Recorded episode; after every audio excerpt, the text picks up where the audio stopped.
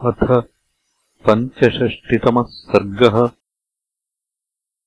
वाल्मीक्याश्रमे शत्रुघ्नागमनम्। तस्थाप्यतु बलम् सर्वम् मासमाप्रोषितः पथि। एक एवासु शत्रुघ्नो जगामत्वरितम् तदा। द्विरात्रमन्तरे शूरौष्यराघवनन्दनः वाल्मीकेराश्रमम् पुण्यम् अगच्छद्वासमुत्तमम्।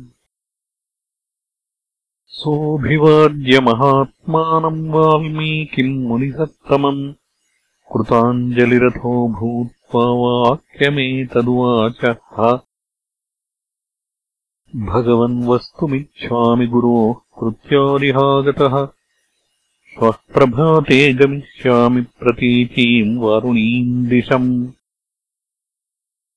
शत्रुघ्नस्य वचः श्रुत्वा प्रहस्यमुनिपुङ्गवः प्रत्युवाच महात्मानम् स्वागतम् ते महायशः। स्वमाश्रममिदम् सौम्यराघवाणाम् कुलस्य हि आसनम् पाद्यमध्यम् च निर्विशङ्कः प्रतीच्छ मे प्रतिगृह्य तदा पूजाम् फलमूलम् च भोजनम्। भक्षयामासकागुत्स्थः तृप्तिम् च परमाम् गतः स भुक्त्वा फलमूलम् च महर्षिम् तमुवाचः। इयम् यज्ञविभूतिस्ते कस्याश्रमसमीपतः। तत्तस्य भाषितम् श्रुत्वा वाल्मीकिर्वाक्यमब्रवीत् शत्रुघ्न शृणु यस्येदम् बभूवायतनम् पुरा। युष्माकम् पूर्वको राजा सुदासस्तस्य भूपतेः पुत्रो वीरसहो नाम वीर्यवान् अतिधार्मिकः। स बालैव सौदासो मृगयाम् उपचक्रमे सन्सूर्यमाणम् ददृशे सशूरो राक्षसद्वयम् शार्दूलरूपिणौ घोरौ मृगान् बहुसहस्रशः। भक्ष्यमाणावसन्तुष्टौ पर्याप्तिम् नैव जिग्मतुः।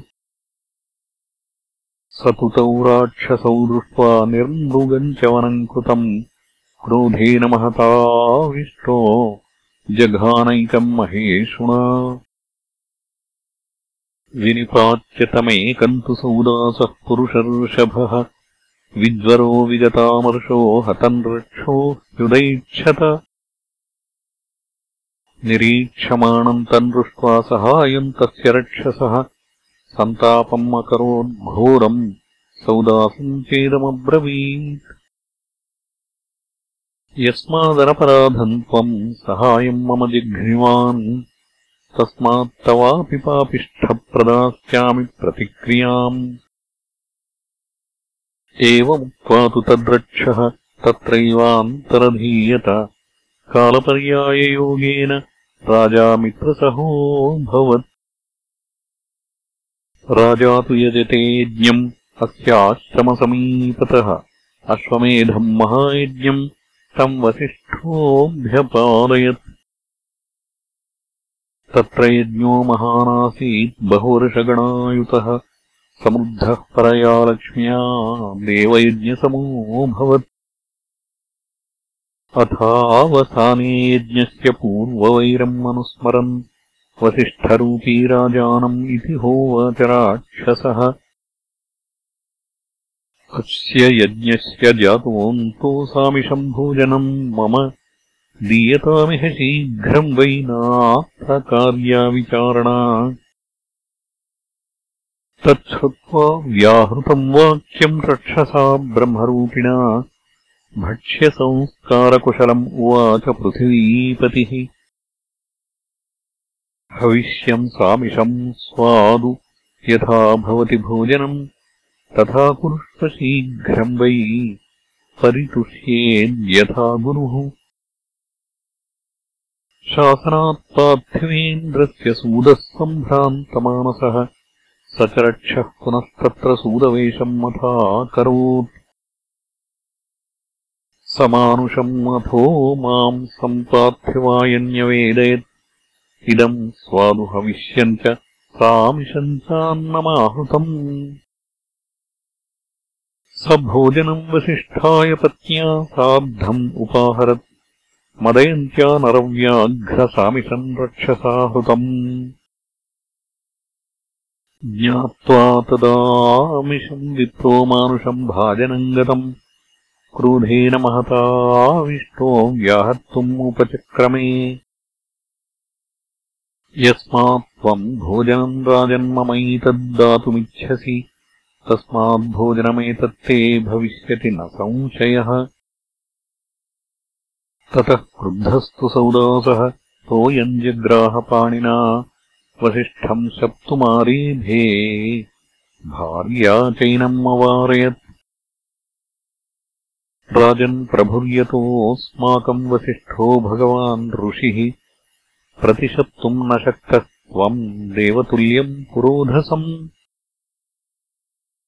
ततः क्रोधमयन्तोऽयम् तेजोबलसमन्वितम्। व्यसर्जयत धर्मात्मा ततः पादौ शिशे च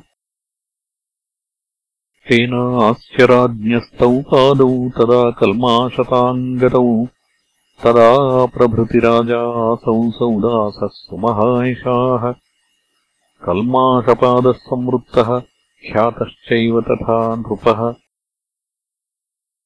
स राजा सहपत्न्या वै प्रणिपत्य मुहुः। पुनर्वसिष्ठम् प्रोवाच यदुक्तम् ब्रह्मरूपिणा तच्छ्रुत्वा पार्थिवीन्द्रस्य रक्षसा विकृतम् च तत्। पुनः प्रोवाच राजानम् वसिष्ठः पुरुषवृषभम्। मया रोषपरीतेन यदिदम् व्याहृतम् वचः नैतच्छक्यम् वृथा कर्तुम् प्रदास्यामि च ते वरम्। कालो द्वादशवर्षाणि शापस्यान्तो भविष्यति मत्प्रसादाच्च राजेन्द्रव्यतीतम् न स्मरिष्यसि। एवम् स राजा तम् शापम् उपभुज्यारिसूदनः प्रतिलेभे पुनाराज्यम् प्रजाश्चैवान्वपालयत्।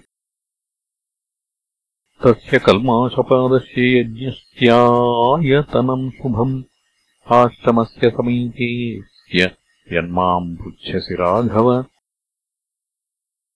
तस्य ताम् पार्थिवेन्द्रस्य कथाम् श्रुत्वा सुदारुणाम् विवेशपर्णशालायाम् महर्षिम् अभिवाद्य च। इत्यार्षे श्रीमद् रामायणे वाल्मीकीये आदिकाव्ये उत्तरकाण्डे पञ्चषष्टितमः सर्गः